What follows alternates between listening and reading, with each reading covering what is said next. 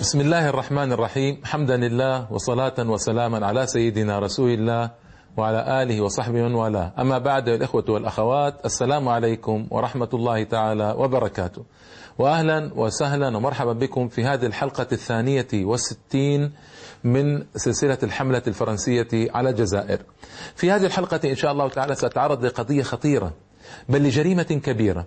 ارتكبتها فرنسا في الجزائر وجرائمها في الجزائر. لا تعد ولا تحصى ولا يحصرها العاد وتخرج عن عد العاد. ما يمكن. من هذه الجرائم استعمال الأسلحة المحرمة. استعملوا النابال ورموها في الجبال. استعملوا الأسلحة الكيميائية. وهم جردوا جيوش الغرب إلى العراق من أجل اتهامه بأن عنده أسلحة كيميائية. وما كان عند العراق أسلحة كيميائية. وعملوا حربا هائلة على هنا. فرنسا ثبت استخدامها لأسلحة كيميائية. ثبت استخدامها للغازات السامة وهكذا فعلت بالمجاهدين في الجبال والقرى. أكبر جريمة ارتكبتها فرنسا هي أن فجرت قنبلتها النووية الأولى بالنسبة لتاريخ فرنسا في الصحراء الجزائرية. جريمة ليس بعدها جريمة. من يتابع هذه الجريمة؟ من من الهيئات الحقوقية الجزائرية يتابع هذه الجريمة حتى يجبر فرنسا على الاعتراف بها أنها جريمة ثم تعتذر ثم تعوض الناس الذين إلى الآن إلى الآن أطفال يولدون بعين واحدة. إلى الآن أطفال يولدون بأرجل بأرجل عديدة. إلى الآن الحمل والغنم يلد غنما على وجه عجيب مشوهة بشكل كبير جدا بسبب القنبلة الفرنسية وستأتي إن شاء الله تفصيلات. نحن نعلم أن أمريكا فجرت قنبلتها الأولى في هيروشيما 1945 شعرت فرنسا بالحرج روسيا فجرت قنبلتها أيضا هنا فرنسا وجدت أن لابد أن تفعل ذلك بريطانيا فجرت قنبلتها وجدت فرنسا نفسها أنها متخلفة عن الركب. انظروا كيف الشعور عندما تخلفوا عن الركب فعلوا كل ما يستطيعون. تجندت فرنسا حكومة شعبا نخبا علماء من أجل تفجير القنبلة النووية. ما نقول نحن الشعوب العربية والإسلامية نحن اليوم متخلفون عن الركب تخلفا عجيبا. في كل وسائل الحياة متخلفون تقنيا علميا إنتاجيا في الطعام في الشراب في وسائل إنتاج في كل شيء تقريبا. ألا يحوك في صدرنا شيء كما حاك في صدورهم شيء لكن ماذا نقول؟ إنا لله إنا إليه راجعون. هناك أهداف لفرنسا في تفجير هذه القنبلة أهداف داخلية وأهداف خارجية.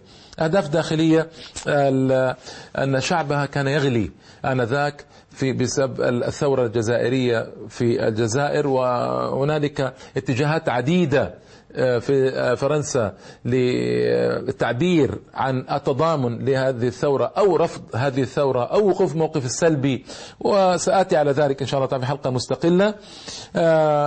الهزيمة التي هزمتها فرنسا في ديان بيان فو الهند الصينية يعني فيتنام باختصار 1958 أيام ديغول هذه هزيمة شديدة تركت آثارها على الشعب الفرنسي. أراد ديغول أن يرفع معنويات شعبه. أراد أن يواجه العسكريين في فرنسا وفي الجزائر الذين أرادوا القيام بانقلاب عليه وتنحيته من الحكم. أراد أن يواجه رأي العام العالمي الذي يرى أنه انتهج سياسة متناقضة إزاء القضية الخارجية. كان كما قلت لكم يشعر بالذل الفرنسيون يشعرون بالذل لأن أمريكا وبريطانيا رفضتا أن تزود فرنسا بالأسرار النووية. تمكن الفرنسيون بعد ذلك من إيجاد أسرار القنبلة وصنعها ووقع الاختيار على منطقة رقان بقلب الصحراء الجزائرية. في الثلث الأول فجرت من سنة 1960 موقع الصحراء طبعا هذا موقع خطير جدا. تحدث عنه قبل حلقتين. كنز ثمين من النفط والغاز والمعادن وأيضا مكان مهم جدا لتفجير القنبلة لبعده الشاسع عن العمران. يكفي أن نعلم ان بعض المناطق التي فجرت فيها القنبلة تبعد 1500 كيل عن جنوب غرب الجزائر العاصمة. بعض المناطق تبعد 2000 كيلا عن الجزائر العاصمة موغلة في الصحراء الجزائر ضخمة وهائلة كما قلت لكم. آه طبعا فرنسا تسعى أيضا لريادة أوروبا. آه إذا فجرت هي القنبلة في البداية وفعلا هذا الذي جرى آه في هذه القضية. كلام يطول في هذه. يكفي أن نعلم أيضا قضية خطيرة أن أن فرنسا التجارب التي التي فعلتها النووية في صحراء الجزائر والتجارب الكيميائية قد قامت لمصلحة دولة العدو الصهيوني أيضا ليس فقط من أجل فرنسا. هذه نقطة خطيرة وسر أيضا لم نكن نعرفه. وحضر هذه التجارب النووية والكيميائية خبراء من دولة العدو الصهيوني ووزير الدفاع الصهيوني آنذاك موشا ديان حضر التجربة. وهذه طبعا هذه قضية وقضية خطيرة لكن الشعوب لا تعرف هذه الجرائم لا تعرف هذه الجرائم للأسف الشديد. آه، كشف المؤرخ الفرنسي برينو باريلو بأن السلطات الفرنسية استخدمت وهذه أكبر الجرائم على الإطلاق استخدمت 42 ألف جزائري كفئران تجارب في سياق استخداماتها النووية في الجزائر خلال حقبة الاحتلال. وطبعا آه، هذه هذه جريمة ليس بعدها جريمة وكان ينبغي أن آه، يحث الشعب الجزائري بأكمله على طلب التعويضات خاصة الصحراويين. لكن طيب هنا قبل قبل التفجير تفجير القنبلة قام العسكريون الفرنسيون بعملية إحصاء المباني والسكان وأمروهم يوم التفجير بالخروج من ديارهم والاحتماء بغطاء فقط. آه، ووزعوا قلادات على الأهالي وألزموهم بوضعها في رقابهم لقياس شدة الإشعاع التي يتعرضون لها. آه، وتأكد استخدام الأهالي كموضوع للتجارب عند زيارة الملازم أول ديشو الطبيب العسكري للقصور المجاورة لمعاينة مدى التأثير آه، تأثير الإشعاعي على الإنسان. كما سارعت مجموعة من المختصين في الطب الإشعاعي إلى رجان وقاموا فحص الأهالي هنالك. لكن الأكثر فظاعة هو ما اقترحه الكولونيل بيكارد على حكومة الجمهورية الخامسة من استعمال 200 مجاهد مسجون بمعسكر بوسي آه، وتعريضهم للإشعاعات عمدا قصد إجراء الاختبارات عليهم. وقد أظهر الشريط الوثائقي الذي أخرجه عز الدين مدور وعنوانه كم أحبكم رجالا مربوطي الأيدي ومعرضين للإشعاعات النووية.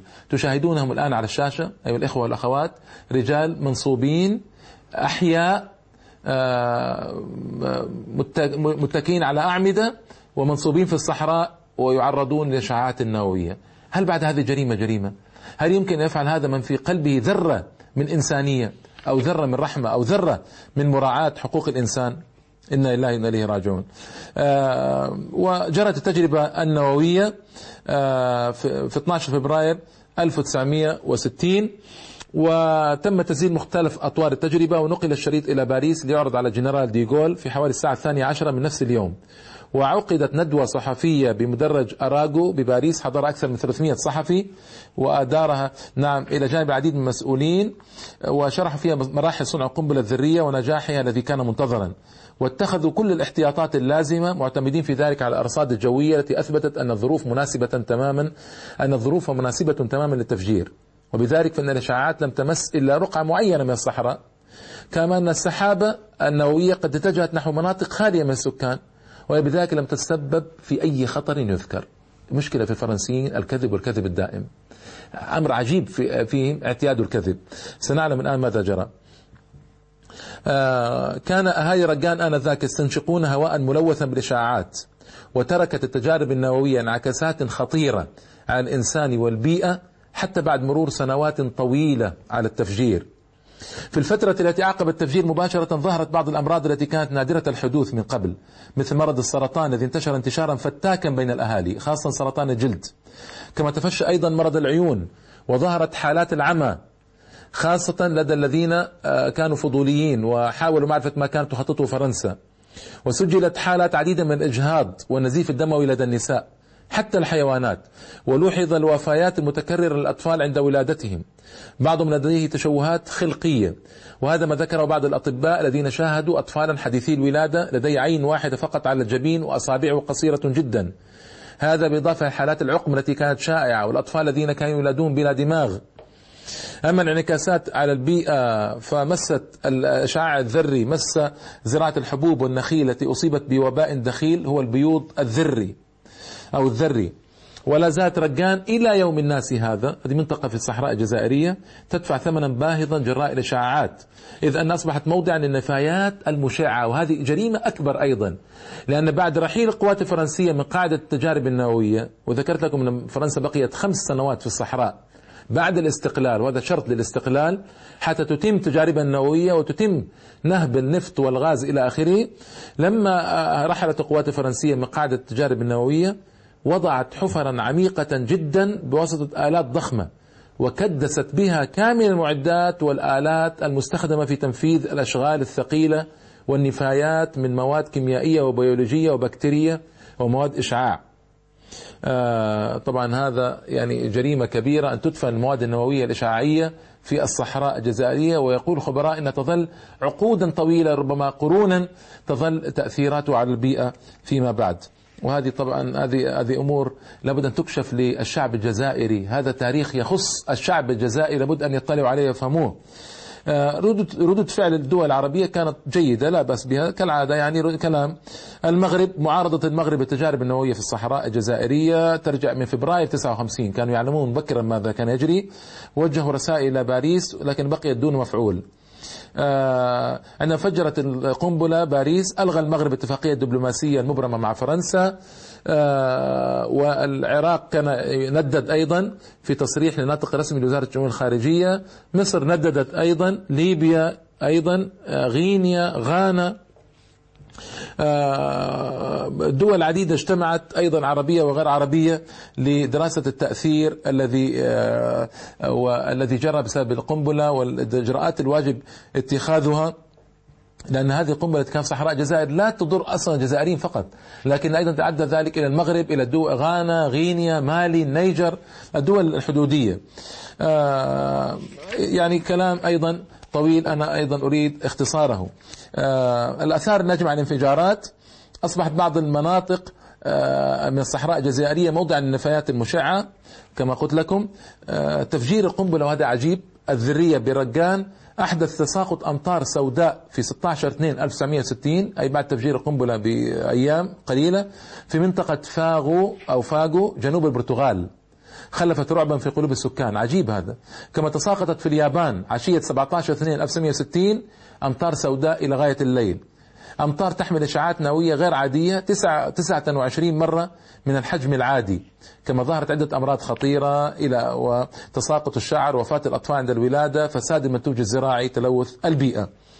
آه لقد صنف الفرنسيون التجارب النووية بالصحراء الجزائرية ضمن الملفات العسكرية السرية والمعلومات الخاصة لا يطلع عليها أحد إلا بعد ستين سنة من إجرائها. ستين سنة فهي أجرت سنة 1960 يعني لابد العالم أن ينتظر إلى 2020 حتى يطلع على الجريمة الفرنسية في الصحراء الجزائرية. آه وطبعا آه، صار هاي رجان عينة بشرية إنا لله وإنا إليه راجعون يطبق عليهم هذا الذي جرى من آه، فرنسا ومن عدوان فرنسا عليهم. عدوان ليس سهلا وكلام طويل في وشاهدات أيضا من الأهالي بما جرى. استعملت أيضا فرنسا في ذلك 150 سجينا وفي رواية أنهم كانوا 200 ذكرت لكم سابقا. واستخدمت ويا العار النساء الحوامل والصبيان والشيوخ في هذه القضية. استعملت آه، أجهزة خاصة آه، لدراسة مفعول التفجير النووي والإشعاعات الناتجة عنه على الكائنات الحية والنباتات. ولعلمكم أن أول قنبلة ألقي أو فجرت كانت أكبر من هيروشيما بثلاث مرات. أكبر من التي ألقيت على هيروشيما بثلاث مرات. وهذه أيضا يعني مأساة ليس بعدها مأساة. آه للأسف الشديد وأكثر العرب والمسلمين لا يدرون عن هذه المآسي شيئا. فالمنطقة تعرضت تعرضت لأن فرنسا فجرت أكثر من قنبلة نووية في المنطقة. في مرات متعددة في سنوات متعددة خلاصة القول أن الطاقة التفجيرية للمجموع القنابل التي فجرت آه، في الصحراء الجزائرية تقدر ب 500 كيلو طن. منها 130 كيلو طن بموقع رجان و370 كيلو طن بموقع أبكر آه، أي عشرين أي عشرون ضعف القنبلة الذرية التي ألقيت على هيروشيما سنة 1945 عشرون ضعف القنبلة التي ألقيت على هيروشيما. هذه في صحراء الجزائر. فكيف نريد إذا من صحراء الجزائر؟ كيف نريد من آه، أن نصدق كلام الفرنسيين عندما قالوا أن هذا لا بأس به وأنه لم يتضرر أحد ولم يكن هناك لم يكن هناك أي مخاطر تذكر. يعني قلت لكم الكذب هذا كارثة في الحقيقة وكارثة كبيرة جدا. وقد رأيتم الصور للتو التي عرضت. يعني كيف كان الرجال منصوبين هكذا. وهناك صور أخرى يراها الإخوة آه الآن على الشاشة وتمثل تفجير النووي الفرنسي. آه, آه، يقول قامت الصحفية الجزائرية منيرة دريدي في جريدة المجاهد جريدة اسمها المجاهد الجزائرية كانت تصدرها جبهة التحرير الوطني. آه، طبعا هذه الجريدة آه، تقول فيها الصحفية هذه منيرة. أثناء التجارب النووية الفرنسية استخدم آه، استعمل الفرنسيون السجناء كموضوع تجارب. وتسببت هذه التجارب في استشهاد المستخدمين والمجاهدين اسمعوا كيف الذين وجدوا متجمدين كقطع البلاستيك من جراء تعرض الإشاعات هؤلاء جنود مساكين الذين كانوا منصوبين كانوا أسرى وجدوا متجمدين كقطع البلاستيك آه، من جراء الإشاعات. آه، موتى مجهولون عددهم لا يحصى. أمراض تنفسية أمراض العيون إلى آخره. آه، طبعا هنا هذه تشكل جريمة ضد الإنسانية ويمكن أن أن يحاسب بها تحاسب بها فرنسا وتتابع تتابع في المحاكم العالمية.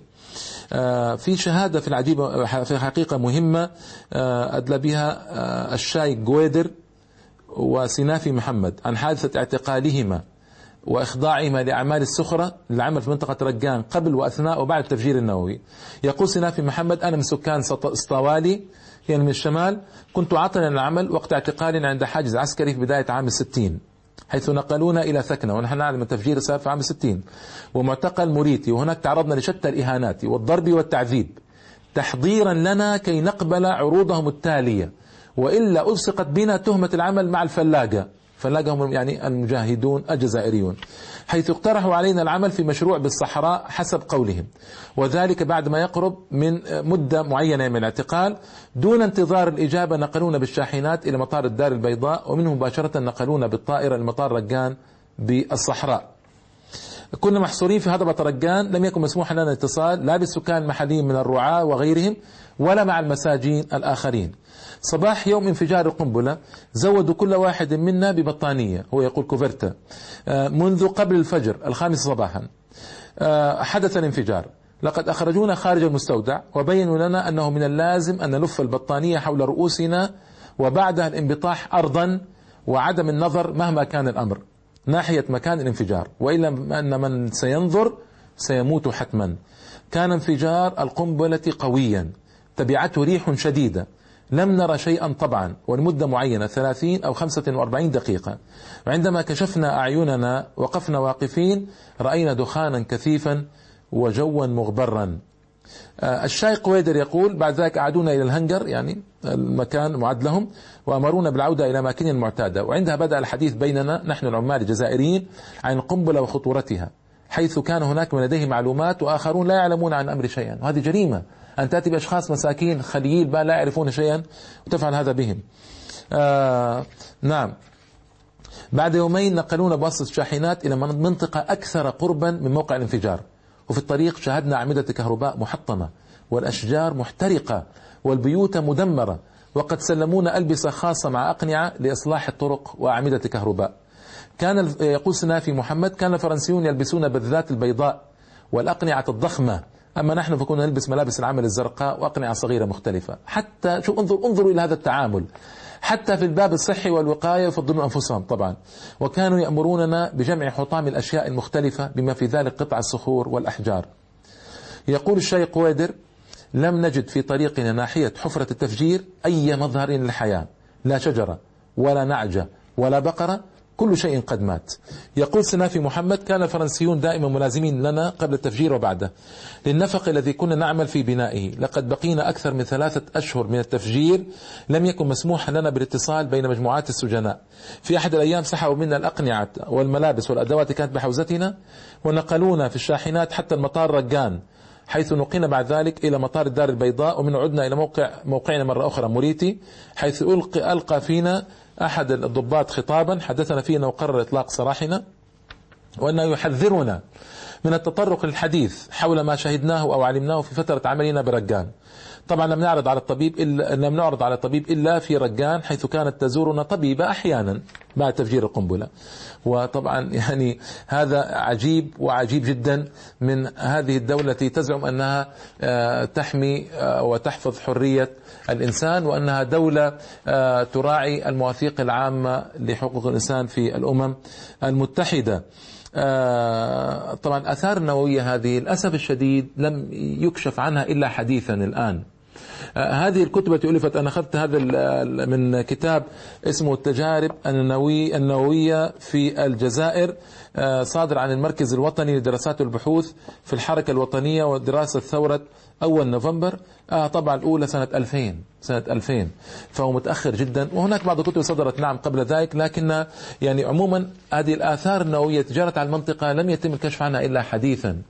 وحديثا جدا ونحن لا ننسى أن فرنسا بقيت في الصحراء إلى سنة 1387 1967 وأخفت كثير من آثار الجريمة في حفر كما قلت لكم و وفعلت كثير لتغطية جريمتها. مع ذلك آه، الآثار اكتشفت حديثا وبدأ الحديث عنها آه، حديثا في الحقيقة. آه، في العدد التجارب النووية التي جرت من قبل فرنسا هي ست تجارب ست تجارب جرت في آه، الهوغار ورقان وأبكر آه، وطبعا منذ العام 1960 وهذه قضية في الحقيقة في غاية الخطورة آه، وقضية تحتاج إلى نظر طويل من من الجمعيات الحقوقية الجزائرية. لابد لابد لأن لأن هذا الذي جرى هو جريمة بكل المقاييس جريمة ضد الإنسانية. خاصة أنهم عرفوا قبل ذلك تأثير هذه القنبلة النووية على أهالي اليابان هيروشيما وما آه، جرى في ناجازاكي أيضا قنبلتان نوويتان ألقيتا على اليابان 1945 فأن يعاد بعد ذلك استخدامه في الصحراء الجزائرية من أجل آه، مطالب استخرابية محضة من أجل العنجهية والسيطرة. من أجل إظهار القوة وعضلات من أجل ترأس أوروبا من أجل السبق التسليح النووي في العالم هذا كله ما كان ينبغي أن يتم على حسابنا نحن المسلمين. لكن هذا الذي جرى للأسف. والسؤال المهم ماذا ستصنع الحكومة الجزائرية الآن؟ ماذا ستصنع هذه الحكومة؟ ماذا ستعمل إزاء هذا الذي جرى؟ ينبغي أن تعمل عملا كبيرا وكبيرا جدا وتبدأ بمطالبات كبيرة واعتذارات كثيرة. اليابان استقبلت القنبلة النووية الأمريكية كانت معها في حالة حرب. في حالة حرب وأيضا هذا كان لم يكن مشروعا. أن تقتل هذا العدد الهائل. مئة ألف قتلوا منذ لحظة إلقاء القنبلة في هيروشيما. لكن على الأقل كانوا في حالة حرب مع الأمريكان واستسلموا. بعد ذلك وانتهى الأمر. لكن الجزائريون ما ذنبهم؟